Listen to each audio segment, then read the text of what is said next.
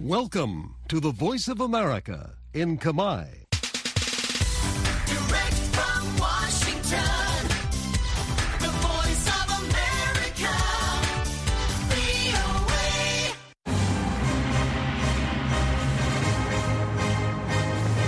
សួស្តីប្រិយមិត្តអ្នកស្ដាប់ជាទីមេត្រី នៅក្នុងកម្មវិធីផ្សាយតាមវិទ្យុរបស់ VOA នៅព្រឹកថ្ងៃពហុទី8ខែកុម្ភៈឆ្នាំ2024នេះ ខ្ញុំជើងពូជីននិងសហការីនៃក្រុមផ្សាយជាខេមរៈភាសាសូមស្វាគមន៍ប្រិយមិត្តពីរដ្ឋធានី Washington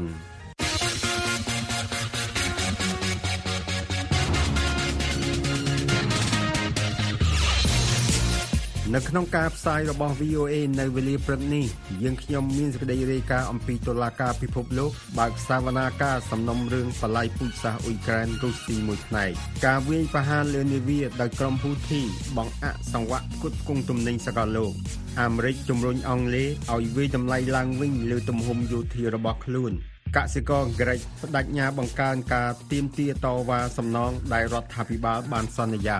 លោកហ៊ុនម៉ាណែតអរគុណថៃដែលមិនអនុញ្ញាតឲ្យមានសកម្មភាពលូកដៃចូលកិច្ចការផ្ទៃក្នុងកម្ពុជាក្រោយចាប់សកម្មជននយោបាយហើយនឹងសេចក្តីរាយការណ៍អំពីរដ្ឋាភិបាលកម្ពុជាប្រតិកម្មនឹងមេដឹកនាំគណៈបកភ្លើងទីនដែលថាប្រជាធិបតេយ្យកាន់តែចុះខ្សោយ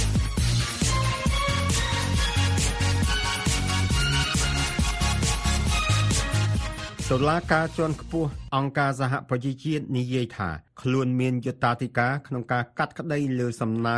របស់រដ្ឋាភិបាលក្រុងគៀវដែលសុំឲ្យមានសេចក្តីប្រកាសថាខ្លួនមិនទទួលខុសត្រូវចំពោះការអះអាងរបស់រុស្ស៊ីដែលថាមានអំពើបលាយពូជសាសន៍នៅមុនការឈ្លានពានចូលអ៊ុយក្រែននៅឆ្នាំ2022លោក Aras Arabasadi នៃ VOA រាយការណ៍រឿងនេះពីរដ្ឋធានី Washington លោកសុកខេមរាជួនសេចក្តីប៉ែសម្រួលដូចតទៅ បុគ្គលិកជួយសង្គ្រោះការយកសាកសពក្រោយការបាញ់គ្រាប់ផ្លោងនៅភូមិខាងកើតអ៊ុយក្រែននៅទីក្រុងដែលរុស្ស៊ីកាន់កាប់ក្នុងតំបន់លូហាននេះក្រុមមន្ត្រីដែលរុស្ស៊ីលើកបន្ទប់ថ្លែងថាការវាយប្រហារនេះបានសម្លាប់មនុស្សយ៉ាងតិច28នាក់នៅហាងនំប៉័ងមួយរួមទាំងកុមារម្នាក់ដែរមន្ត្រីអ៊ុយក្រែនមិនផ្ដល់អត្ថាធិប្បាយទេ ព័ត៌មាននេះកើតឡើងបន្ទាប់ពីអ៊ុយក្រែនអះអាងពីការបាញ់ពន្លិចនាវាចម្បាំងរុស្ស៊ីនៅសប្តាហ៍មុនក្នុងសមុទ្រខ្មៅ VOA មិនអាចផ្ទៀងផ្ទាត់ដោយឯករាជ្យនៅកាលបរិច្ឆេទទីតាំងឬកលៈទេសៈនៅក្នុងវីដេអូបានទេទីភ្នាក់ងារព័ត៌មាន AP រាយការណ៍អំពីក្រុមហ៊ុនសន្តិសុខឯកជន Embraer ថាអ៊ុយក្រែនបានប្រើយន្តហោះដ្រូនសមុទ្រ6គ្រឿងដែលជាធម្មតាមួយគ្រឿងផ្ទុកគ្រឿងផ្ទុះ300គីឡូក្រាមពេលនេះមន្ត្រីរុស្ស៊ីបែរជាមិនផ្ដល់អត្ថាធិប្បាយ គណៈការបាញ់ផ្លោងការឡើងគ្រាការវាយបករបស់អ៊ុយក្រែនកាំងដំណើរក្រមមន្ត្រីបានប្រមូលផ្ដុំកាលពីសប្តាហ៍មុននៅតុលាការជាន់ខ្ពស់អង្គការសហប្រជាជាតិតុលាការយុត្តិធម៌អន្តរជាតិ ICJ នៅក្រុងឡាអេប្រទេសហូឡង់និយាយថាខ្លួនមានយុត្តាធិការកាត់ក្តីសំណើអ៊ុយក្រែនដែលថាខ្លួនមិនទទួលខុសត្រូវចំពោះអំពើបល្ល័យពូជសាសន៍រុស្ស៊ីបានប្រើហេតុផលនេះដើម្បីឈ្លានពានអ៊ុយក្រែនជិត2ឆ្នាំមុនមន្ត្រីអ៊ុយក្រែនបានសរសើរការសម្រេចនេះភ្លាមៗ តំណាងអ៊ុយក្រែននៅតុលាការ ICJ លោក Anton Koinevich ក្នុងសន្និសីទសារព័ត៌មានមួយ ដែលត្រូវបានផ្ដល់ដោយ AP លោកនិយាយថា Today is another important day uh, in the International Court of Justice. នេះជាថ្ងៃសំខាន់មួយទៀតនៅតុលាការយុតិធធអន្តរជាតិថ្ងៃនេះតុលាការបានប្រកាសពីការសម្រេចថាតុលាការនេះមានយុត្ថាធិការបន្តដល់ដំណាក់កាល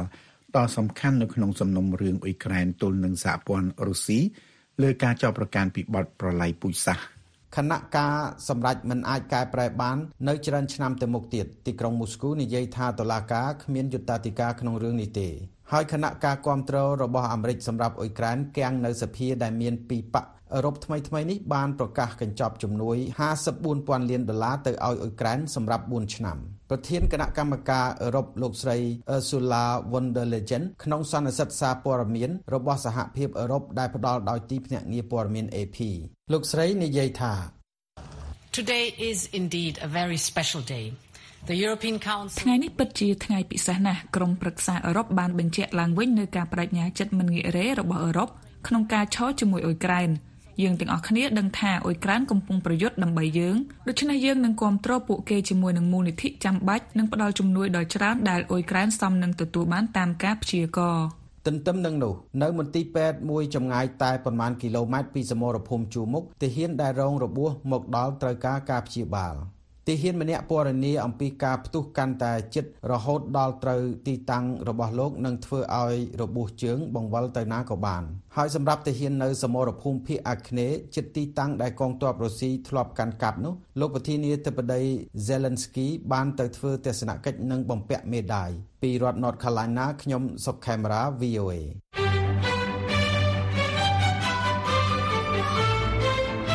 ប្រិមិត្តជាទីមេត្រីឥឡូវនេះកម្មវិធី Hello VOA ស្ដីពីសុខភាពដែលតែងតែចាក់ផ្សាយនៅរៀងរាល់រាត្រីថ្ងៃប្រហ័សសប្តាហ៍ទី3នៃខែនីមួយៗក៏មានជាវីដេអូផងដែរ អស់លោកអ្នកនាងអាចទស្សនាកម្មវិធី Hello VOA ស្ដីពីសុខភាពនេះបានដោយចូលទៅកាន់គេហទំព័ររបស់យើងដែលមានអាស័យដ្ឋាន khmer.voanews.com ឬចុចលើកម្មវិធី Hello VOA នោះលោកអ្នកនាងនឹងចូលទៅដល់ទំព័រមួយទៀតដែលមានកម្មវិធី Hello VOA សុខភាពហើយលោកអ្នកនាងអាចទស្សនាវីដេអូមួយណាក៏បាន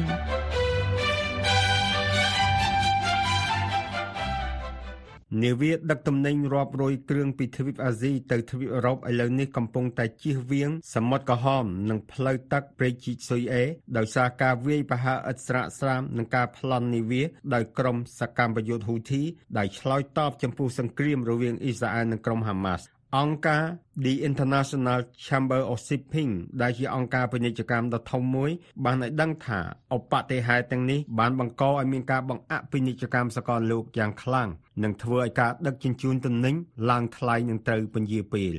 លោក Alfonso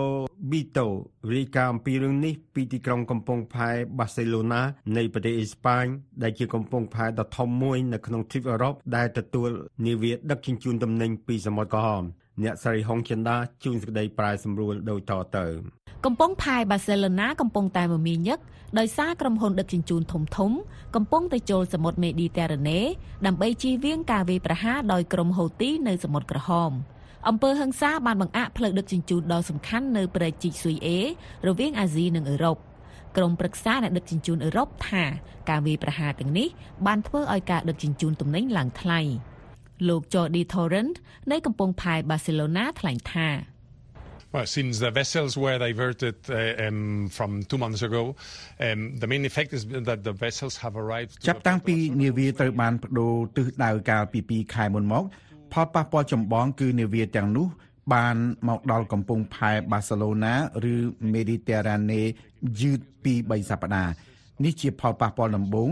ហើយរឿងមួយទៀតដែលកំពុងកើតឡើងគឺការដឹកជញ្ជូនតាមផ្លូវទឹកឡើងថ្លៃជាង100%ចិននិងប្រទេសអាស៊ីខាងត្បូងនាំចូលទៅអឺរ៉ុប30%ក្នុងឆមាសដំបូងនៃឆ្នាំ2023ហើយការបដូរទិសដៅដឹកជញ្ជូនធ្វើឲ្យមានផលប៉ះពាល់កាន់តែធំលោក Thorin ថ្លែងទៀតថា The biggest trade partner of ដៃគូពាណិជ្ជកម្មធំបំផុតរបស់អឺរ៉ុបគឺអាស៊ីដូច្នេះទំនិញទាំងអស់ដឹកតាមព្រែកជីកស៊ុយអេដូច្នេះ ប៉ះពាល់គ្រប់វិស័យដោយសារខ្វះសម្ភារៈផលិតក្រុមហ៊ុន Tesla ប្រកាសផ្អាកការផលិតឡាននៅរោងចក្រក្នុងទីក្រុងបេឡាំងពីថ្ងៃ29មករាដល់ថ្ងៃ11កុម្ភៈដែលអាចប៉ះពាល់ដល់ការផលិតរថយន្តប្រមាណ7000គ្រឿងអាជីវកម្មតូចៗក៏ប៉ះពាល់ដែរអ្នកស្រី Pila Taxido ដែលជាអាជីវករថ្លែងថា Tenemos varios proveedores de aquí de la tienda que nos han អ្នកផ្គត់ផ្គង់មួយចំនួននៅទីនេះនិយាយថាពួកគេនឹងមានបញ្ហាផ្នែកផ្គត់ផ្គង់សម្ភារៈដោយសារវាផលិតនៅអាស៊ីអាគ្នេយ៍និងដោយសារបញ្ហាដឹកជញ្ជូនផែនការរបស់អ៊ីស្រាអែលក្នុងការកម្ចាត់ក្រុមហាម៉ាស់នៅតែបន្តហើយការវាយប្រហាររបស់ក្រុមហូទីទៅលើនាវាដឹកជញ្ជូនក៏បន្តដែរអ្នកវិភាគថា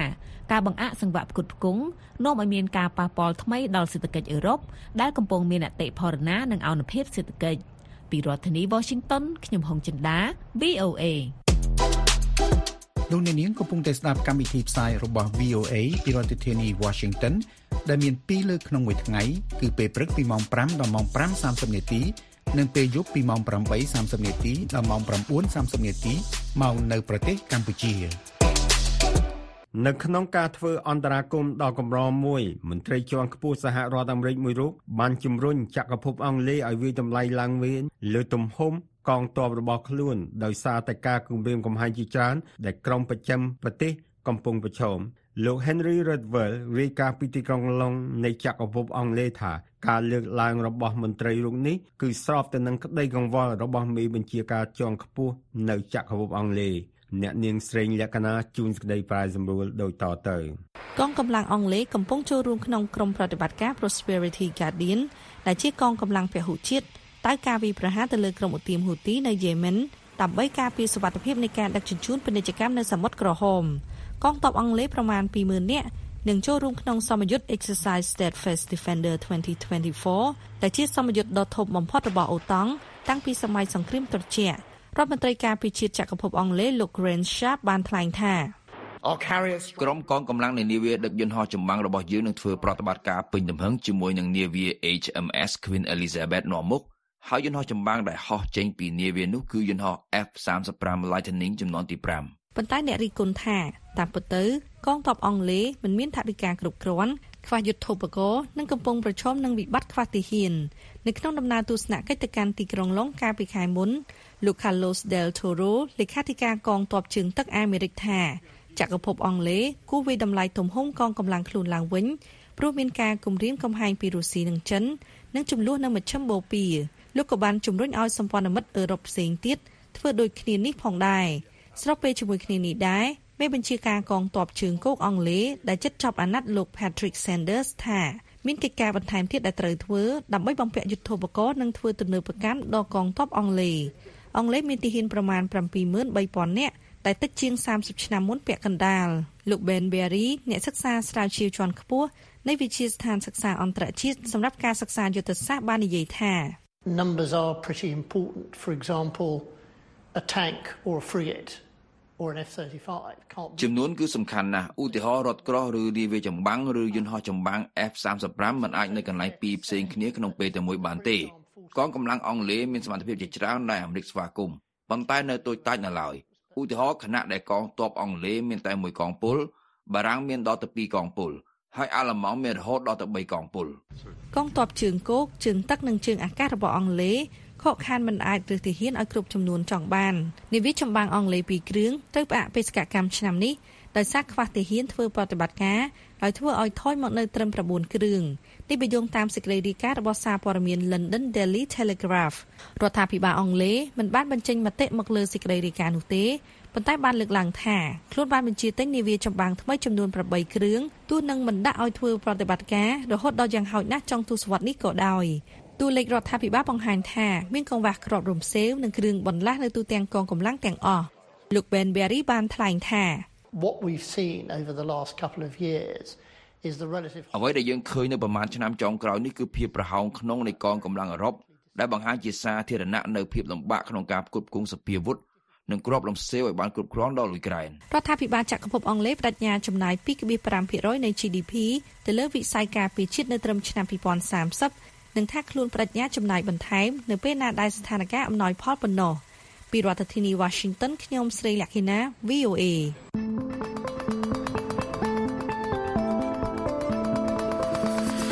លោកអ្នកនាងកំពុងតែស្ដាប់កម្មវិធីផ្សាយរបស់ VOA ពីរដ្ឋធានី Washington កសិករក្រិចដែលខឹងសម្បាកំពុងទាមទារឲ្យរដ្ឋាភិបាលធ្វើតាមអ្វីដែលរដ្ឋបានសន្យាក្នុងការសងសំណងដល់ពួកគេសម្រាប់ការបាត់បង់ប្រាក់ចំណូលបន្ទាប់ពីមានគ្រោះបង្កដោយអាកាសធាតុដ៏អាក្រក់កាលពីឆ្នាំមុនលោក Antish Karasawa រាយការណ៍ពីទីក្រុងអថែមកថាកសិករបានចេញមកធ្វើបាតកម្មនៅតាមដងផ្លូវដើម្បីបញ្ចេញអារម្មណ៍តបប្រមល់របស់ពួកគេលោកសុកខេមរាជួនក្តីប្រាយសម្រួលដោយតទៅ គ្មានអាហារគ្មានអនាគតគឺជាពាក្យស្លោកដែលកសិករខឹងសម្បាប្រើក្នុងពេលធ្វើបាតកម្មប្រឆាំងនឹងការកើនឡើងនៃអតិផរណាការប្រកួតប្រជែងពីបរទេសនិងការចំណាយកាន់តែច្រើនដើម្បីប្រយុទ្ធប្រឆាំងនឹងបំរែបំរួលអាកាសធាតុពួកគេបានចាក់ផ្លែកៅឡាក់ឬ chestnut និងផ្លែប៉ោមយ៉ាងច្រើនទៅលើចិញ្ចើមផ្លូវនៅឯកន្លែងតាំងបង្ហាញផលិតផលកសិកម្មមួយ កសិកររាប់ម៉ឺននាក់បានចេញបាតកម្មនៅលើដងផ្លូវនៅទីក្រុង Thessaloniki ដែលជាទីក្រុងស្ថិតនៅភាគឦសាននៃប្រទេសក្រិកកាលពីចុងសប្តាហ៍កន្លងទៅហើយបានច្រានចោលការអះអាងរបស់មេដឹកនាំពួកគេ ដែលបានសន្យាពន្យាការយកពន្ធនិងវិធានការបន្ធូរបន្ថយជាច្រើនទៀតដែលរដ្ឋាភិបាលទីក្រុងអាតែនបានដាក់ចេញ លោក Rizos Marudas គឺជាអ្នកដឹកនាំម្នាក់ក្នុងចំណោមអ្នកដឹកនាំក្រុមបាតកោជាច្រើនទៀតលោកបានថ្លែងទៅកាន់ក្រុមបាតកោថា ការផ្ដល់ជូនទាំងអស់នេះគឺគ្មានតម្លៃដូចសម្រាមរដ្ឋាភិបាលប្រហែលជាបានប្រឹងប្រែងហើយប៉ុន្តែពួកយើងវិញបានប្រឹងប្រែងខ្លាំងជាងនោះទៅទៀតសមាគមកសិកម្មនៅទីក្រុង Thessaly ដែលជាបេះដូងកសិដ្ឋាននៃប្រទេសក្រិចបានកំណត់ពេលជួបជុំគ្នាម្ដងទៀតនៅថ្ងៃអង្គារដើម្បីបង្កើនការតវ៉ារបស់ពួកគេរួមមានទាំងការដាក់របាំងបិទមហាវិថីសំខាន់ៗនៅទូទាំងប្រទេស ហើយភាគច្រើននៃការទៀមទារបស់កសិករគឺបន្តឲ្យមានបដកម្មស្រដៀងគ្នា ដែលកំពុងធ្វើឲ្យមានផលវិបាកដល់ទ្វីបអឺរ៉ុបនៅប៉ុន្មានសប្តាហ៍ចុងក្រោយនេះ ប៉ុន្តែនៅប្រទេសក្រិចកសិករចង់ឲ្យរដ្ឋាភិបាលផ្ដល់ឲ្យពួកគេនៅអ្វីដែលរដ្ឋាភិបាលបានសន្យាកាលពីប្រមាណខែមុននោះគឺសំណងសម្រាប់កសិផល និងបសុសត្វរាប់ពាន់ក្បាលដែលត្រូវបានបំផ្លិចបំផ្លាញដោយទឹកជំនន់ដ៏ប្រឡាយនិងព្យុះភ្លៀងដែលបានវាយប្រហារទៅលើដែនដីជាបេះដូងនៃកសិដ្ឋានកាលពីខែកញ្ញាកន្លងទៅ លោក Kyriakos Mitsotakis នាយករដ្ឋមន្ត្រីក្រិចកាលពីពេលថ្មីៗនេះបានប្រកាសដាក់ចេញនៅវិធានការជាច្រើនដោយលោកនិយាយថារដ្ឋនឹងជួយដោះស្រាយវិក័យប័ត្រទឹកនិងភ្លើង ដែលមិនទាន់បានបង់ហើយថាការជួយបង់ពន្ធរបស់រដ្ឋសម្រាប់ប្រេងម៉ាស៊ុតនឹងត្រូវបន្ថែមក្នុងរយៈពេល1ឆ្នាំទៀត លោក Pavlov Marinaski អ្នកនាំពាក្យរដ្ឋាភិបាលបានថ្លែងយ៉ាងដូចនេះថា Αυτέ είναι οι αντοχέ τη ελληνική οικονομία. Αυτό μπορούσε να γίνει. នេះជាការឧបត្ថម្ភទាំងអស់ដែលរដ្ឋអាចប្រើថវិកាសហព័ន្ធដើម្បីផ្ដល់ឲ្យពួកគេនៅក្នុងពេលនេះប្រសិនបើយើងអាចផ្ដល់ឲ្យលើសពីនេះយើងនឹងផ្ដល់ឲ្យពួកគេប៉ុន្តែយើងមិនចង់ធ្វើការសន្យាคล้ายៗនោះទេ រដ្ឋាភិបាលបានអំពាវនាវឲ្យកសិករត្រឡប់ទៅកាន់តុចរចាវិញដើម្បីរកដំណោះស្រាយតាមរយៈការសម្របសម្រួលជាមួយនឹងនាយករដ្ឋមន្ត្រីផ្ទាល់ កសិករនៅប្រទេសក្រិចប្រងើយកន្តើយនឹងជំរើសចរចានេះដោយនិយាយថាពួកគេគ្មានពេលទំនេរសម្រាប់អ្វីដែលពួកគេហៅថាឱកាសដើម្បីថតរូបសម្ដែងនោះទេ ពីរដ្ឋ North Carolina ខ្ញុំសុកខេមរា VOA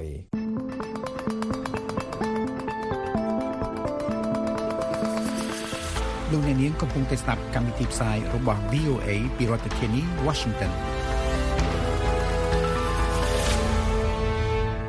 ក្រោយការចាប់ខ្លួនសកម្មជនខ្មែរ3នាក់នៅក្នុងទឹកដីថៃនាយករដ្ឋមន្ត្រីហ៊ុនម៉ាណែតដែលបានបំពេញទស្សនកិច្ចនៅក្នុងទីក្រុងបាងកកនាថ្ងៃពុធបានថ្លែងអំណរគុណថៃចំពោះការបញ្ជាក់របស់មេដឹកនាំថៃថានឹងមិនអនុញ្ញាតឲ្យទឹកដីថៃត្រូវបានប្រើប្រាស់ក្នុងការធ្វើសកម្មភាពអ្វីមួយដែលលោកដៃចូលកិច្ចការផ្ទៃក្នុងរបស់កម្ពុជាលោកសុននរិនរាយការណ៍ VOA ពីរាជធានីភ្នំពេញដូចតទៅ លោកនាយករដ្ឋមន្ត្រីហ៊ុនម៉ាណែតនៅថ្ងៃពុធនេះបានអរគុណសមាភិកីរបស់លោកគឺនាយករដ្ឋមន្ត្រីថៃ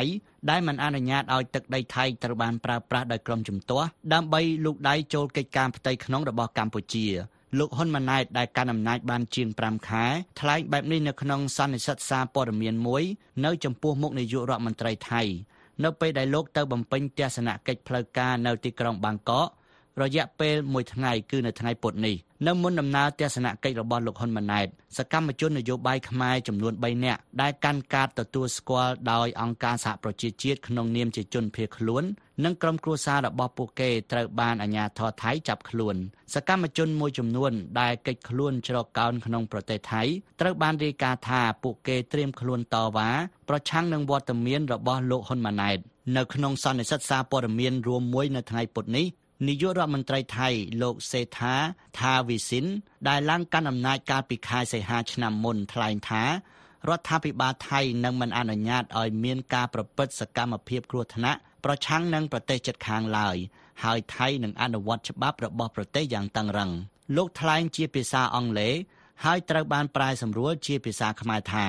I have assured Prime Minister Hun Manet that it is Thailand's ខ្ញុំបានបញ្ជាក់ទៅកាន់លោកនាយករដ្ឋមន្ត្រីហ៊ុនម៉ាណែតថាវាជាគោលនយោបាយរបស់ថៃដែលមិនអនុញ្ញាតឲ្យនរណាម្នាក់ប្រើប្រាស់ទឹកដីថៃជាទម្រង់មួយក្នុងការលុកដៃចូលកិច្ចការផ្ទៃក្នុងឬធ្វើសកម្មភាពគ្រោះថ្នាក់ណាមួយប្រឆាំងនឹងប្រទេសជិតខាង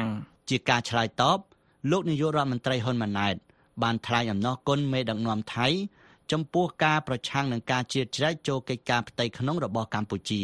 លោកថ្លែងជាភាសាអង់គ្លេសហើយត្រូវបានប្រែសម្រួលជាភាសាខ្មែរថា and thanks for your reaffirming of uh, your support that ហើយក៏សូមអរគុណចំពោះការបញ្ជាក់ជាថ្មីនៅការគ្រប់គ្រងដែលមិនអនុញ្ញាតឲ្យទឹកដីថៃត្រូវបានប្រើប្រាស់ក្នុងការធ្វើសកម្មភាពណាមួយដើម្បីលុកដៃចូលកិច្ចការនយោបាយផ្ទៃក្នុងរបស់កម្ពុជា ចាប់តាំងពីឆ្នាំ2017ប្រទេសថៃបានក្លាយជាកន្លែងមួយដែលសកម្មជនសង្គមនិងនយោបាយខ្មែរបានភៀសខ្លួនទៅជ្រកកោនកិច្ចពីការចាប់ខ្លួននិងការធ្វើទុកបុកម្នេញក្នុងប្រទេសកម្ពុជា កាលពីចុងខែធ្នូឆ្នាំ2023សកម្មជនសង្គមនិងនយោបាយចំនួន7នាក់ដែលជ្រកកោននៅប្រទេសថៃត្រូវបានអាជ្ញាធរថៃចាប់ខ្លួន និងឃុំខ្លួនបើទោះពួកគេមានបានស្នាក់នៅបណ្ដោះអាសន្នក្នុងនាមជាជនភៀសខ្លួន ដែលចេញដោយឧត្តមស្នងការអង្គការសហប្រជាជាតិទទួលបន្ទុកសិទ្ធិមនុស្សក៏ដោយលោក Phil Robertson នាយករងប្រចាំតំបន់អាស៊ីនៃអង្គការឃ្លាំមើលសិទ្ធិមនុស្ស Human Rights Watch ថ្លែងថាការសរសើរជាសាធារណៈរបស់លោកហ៊ុនម៉ាណែតអំពីការចាប់ខ្លួនសកម្មជននយោបាយកម្ពុជាបង្ហាញថាលោកហ៊ុនម៉ាណែតពិតជាមេដឹកនាំថ្មីនៃការគៀបសង្កត់ឆ្លងដែន លោកបន្ថែមថាលោកហ៊ុនម៉ាណែតកំពុងព្យាយាមធ្វើឲ្យលើសពីឪពុករបស់លោកនៅក្នុងការគ្រប់គ្រងបែបផ្ដាច់ការនិងការបំពេញសិទ្ធិលោកថ្លែងក្នុងសេចក្តីថ្លែងការណ៍មួយចេញផ្សាយនៅថ្ងៃពុធនេះថាវាពិតជាគួរឲ្យខ្មាស់អៀនមែនតែនដែលរដ្ឋាភិបាលថៃថ្មីកំពុងលេងនឹងទង្វើ ដែលភ្ញាក់ផ្អើលមិនអាចទទួលយកបានដោយចាប់ខ្លួនអ្នកច្រកកោនជាជនជាតិកម្ពុជា ដែលកិច្ចពីកណ្ដាប់ដៃដែករបស់លោកហ៊ុនម៉ាណែតអ្នកនាំពាក្យរដ្ឋាភិបាលកម្ពុជាលោកប៉ែនប៊ុនណាធ្លាប់ប្រាប់ VOA ថាការចោទប្រកាន់របស់សកម្មជនដែលភៀសខ្លួនថារដ្ឋាភិបាលកម្ពុជា បានធ្វើទុកបុកម្នេញគ្រាន់តែជាលេសមួយក្នុងការដែលពួកគេអាចទៅរស់នៅប្រទេសទី3បាន លោកមាសនេះអ្នកវិភាគនយោបាយលើកឡើងថារដ្ឋាភិបាលខ្មែរអាចនឹងមានការអំពាវនាវឲ្យរដ្ឋាភិបាលថៃរឹតបន្តឹងថែមទៀតនៅសកម្មភាពរបស់សកម្មជនឬអ្នកនយោបាយខ្មែរ ដែលកំពុងច្រកកោនក្នុងប្រទេសថៃខ្ញុំរំពឹងថាអាចនឹងមានគម្លាតថែមទៀត ទៅលើការអំពាវនាវឲ្យរដ្ឋាភិបាលថៃនឹងធ្វើការរឹតបន្តឹងទៅលើសកម្មភាពរបស់សកម្មជនអ្នកនយោបាយខ្មែរនឹងបន្តទៅទៀតអានេះជាការយល់ឃើញរបស់ខ្ញុំណាដោយសារអីគឺដោយសារតែរដ្ឋាភិបាលកម្ពុជាត្រូវការឲ្យមានការគ្រប់គ្រងពីរដ្ឋាភិបាលថៃនៅក្នុងការធ្វើដំណើរដើម្បីកុំឲ្យសកម្មភាពនៃសកម្មជនគណៈបព្វជិឆាននឹងអាចនឹងមានការវិវត្តឆានពីពលខាងក្នុងប្រទេសថៃនេះ ក្រៅពីការពង្រឹងទំនាក់ទំនងរវាងប្រទេសទាំងពីរនៅក្នុងដំណើរទស្សនកិច្ចរបស់លោកហ៊ុនម៉ាណែតភាគីថៃនិងកម្ពុជាក៏នឹងសហការគ្នាក្នុងការបង្ក្រាបក្រុមអ ுக ្រិតជនដែលឆបោកតាមប្រព័ន្ធអ៊ីនធឺណិតឬហៅថា Cyber Scam ដែលជនជាតិថៃមួយចំនួនបានក្លាយជាជនរងគ្រោះនៃអ ுக ្រិតកម្មដែលកើតឡើងលើទឹកដីកម្ពុជាភាគីទាំងពីរ ក៏បានឯកភាពគ្នាក្នុងការលើកកម្ពស់កិច្ចសហប្រតិបត្តិការនៃប្រទេសទាំងពីរទៅជាភាពដៃគូយុទ្ធសាស្ត្រគួរបញ្ជាក់ថាកាលពីខែកញ្ញាឆ្នាំមុននាយករដ្ឋមន្ត្រីថៃថ្មីលោកសេដ្ឋាថាវិសិនដែលចូលកាន់អំណាចកាលពីខែសីហាក៏បានមកបំពេញទស្សនកិច្ចនៅប្រទេសកម្ពុជាដែរដែលកម្ពុជាគឺជាប្រទេសទី1ក្នុងចំណោមបណ្ដាប្រទេសជាសមាជិកអាស៊ាន ដែលនាយករដ្ឋមន្ត្រីថៃបានធ្វើដំណើរមកបំពេញទស្សនកិច្ចមុនគេរាយការណ៍ពីរាជធានីភ្នំពេញខ្ញុំសុននរិន VOA លោកអ្នកនាងកំពុងតែស្ដាប់កម្មវិធីផ្សាយរបស់ VOA ពីរដ្ឋធានី Washington ដែលមាន2លើកក្នុងមួយថ្ងៃគឺពេលព្រឹកពីម៉ោង5ដល់ម៉ោង5:30នាទីនិងពេលយប់ពីម៉ោង8:30នាទីដល់ម៉ោង9:30នាទីមកនៅប្រទេសកម្ពុជា បន្ទាប់ពីសារព័ត៌មានចម្ប៉ុន Nikkei Asia បានសម្ភាសមេដឹកនាំគណៈបកជំទាស់លោកទៀវវណ្ណុលហើយចេញផ្សាយអត្ថបទខ្លួនកាលពីថ្ងៃទី5ខែកុម្ភៈដែលមានចំណងជើងថាគណៈបកប្រឆាំងថាប្រជាធិបតេយ្យកម្ពុជាកាន់តែចុះខ្សោយក្រោមការដឹកនាំរបស់លោកហ៊ុនម៉ាណែតរដ្ឋាភិបាលកម្ពុជាបានប្រតិកម្មនឹងការលើកឡើងនោះហើយចាត់ទុកថាជាការចោទប្រកាន់មកលើរដ្ឋាភិបាលទាំងបំពេញ លោកលាស់លីបលីបរាយការណ៍លម្អិតឲ្យ VOA ពីរាជធានីភ្នំពេញដូចតទៅ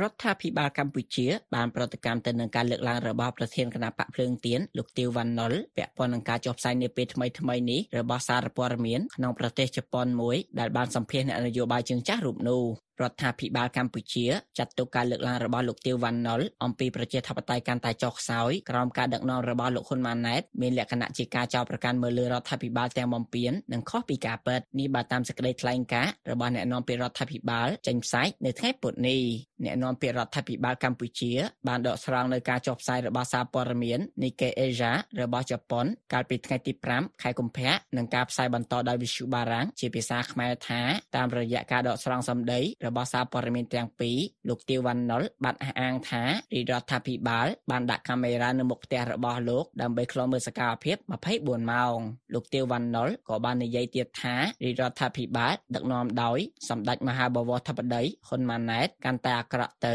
ទាក់ទងនឹងប្រជាធិបតេយ្យដោយបានបន្តចាប់ខ្លួនក្រុមប្រកួតប្រជែងនយោបាយនិងប្រជាពលរដ្ឋដែលរិះគន់រដ្ឋាភិបាលអ្នកនាំពាក្យរដ្ឋាភិបាលបានបដិសេធទាំងស្រុងចំពោះការអះអាងរបស់លោកទៀវវ៉ាន់ណុលនិងចោទលោកទៀវវ៉ាន់ណុលថាមានចេតនាអាក្រក់ដើម្បីបង្ខូចកេរ្តិ៍ឈ្មោះរបស់រាជរដ្ឋាភិបាលសេចក្តីថ្លែងការណ៍បញ្ជាក់ថាអ្នកនាំពាក្យរាជរដ្ឋាភិបាលយល់ឃើញថាការលើកឡើងរបស់លោកទៀវវ៉ាន់ណុលពិតជាមានចេតនាអាក្រក់ដើម្បីបង្ខូចកេរ្តិ៍ឈ្មោះរបស់រាជរដ្ឋាភិបាលខណៈដែលការបោះឆ្នោតជ្រើសតាំងសមាជិកប្រសិទ្ធភាពខិតជិតចូលមកដល់ហើយនេះគឺជាការសម្ដែងរបស់លោកទៀវវ៉ាន់ណុលដើម្បីទាក់ទាញការអាណិតអាសូរពីសាធារណមតិតែប៉ុណ្ណោះនេះគឺជាភស្តុតាងមួយដែលបញ្ជាក់ពីការបញ្ចេញមតិដោយរំលោភបំពានធ្វើឲ្យប៉ះពាល់ដល់កិត្តិយសអ្នកដទៃដែលច្បាប់រដ្ឋធម្មនុញ្ញបានហាមឃាត់អ្នកនាំពាក្យរដ្ឋាភិបាលកម្ពុជាលោកប៉ែនបូណាប្រាប់ VOA បន្ថែមថាការដាក់កាមេរ៉ាតាមទីសាធារណៈគឺដើម្បីត្រួតពិនិត្យចរាចរណ៍សុវត្ថិភាពសន្តិភាពសង្គមមិនមែនខ្លុំមើលសកម្មភាពរបស់អ្នកនយោបាយណាម្នាក់នោះទេ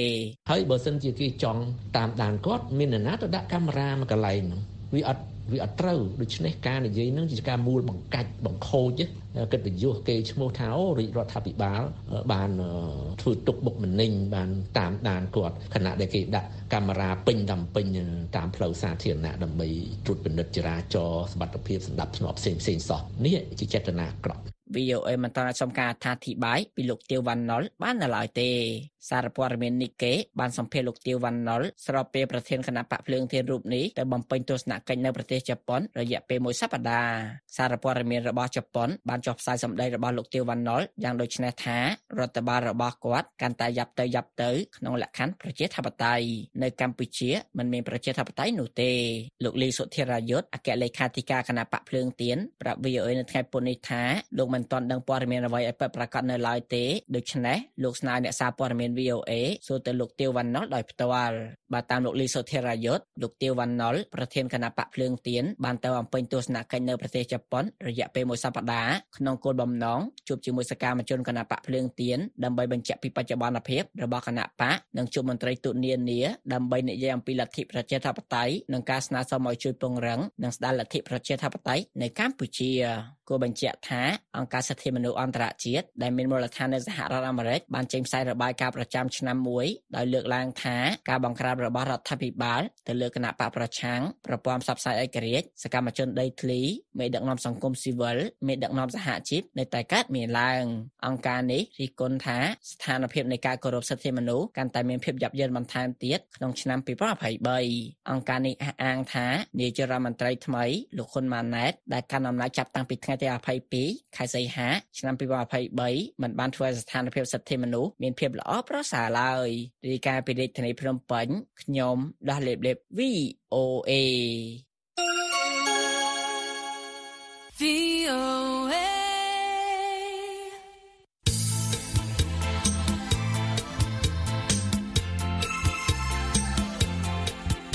អស់លោកអ្នកស្ដាប់ជាទីមេត្រី នៅក្នុងការផ្សាយរបស់ VOA នៅរាត្រីនេះ សូមអស់លោកអ្នករងចាំស្ដាប់សេចក្តីរាយការណ៍ព័ត៌មានថ្មីៗពីប្រទេសកម្ពុជា ពីតំបន់អាស៊ីនិងពីជុំវិញពិភពលោកហើយនឹងកម្មវិធី Hello VOA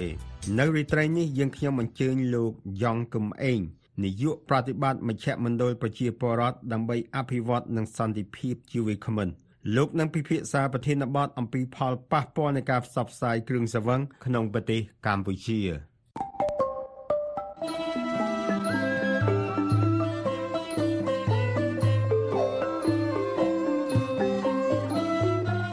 កម្មវិធីផ្សាយរបស់ VOA នៅព្រឹកនេះចប់តែត្រឹមនេះសូមអរលោកអ្នករងចាំស្ដាប់សេចក្តីរាយការណ៍ព័ត៌មានជាតិនិងអន្តរជាតិរបស់ VOA នៅក្នុងការផ្សាយបន្តផ្ទាល់របស់យើងខ្ញុំនៅរាត្រីនេះទៀតពីម៉ោង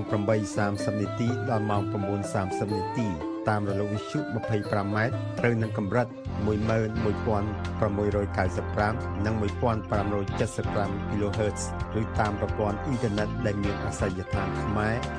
.voenews.com សូមអរលោកអ្នកបានប្រកបដោយសេចក្តីសុខនិងសុភមង្គលគ្រប់ប្រការអារុនសួស្តី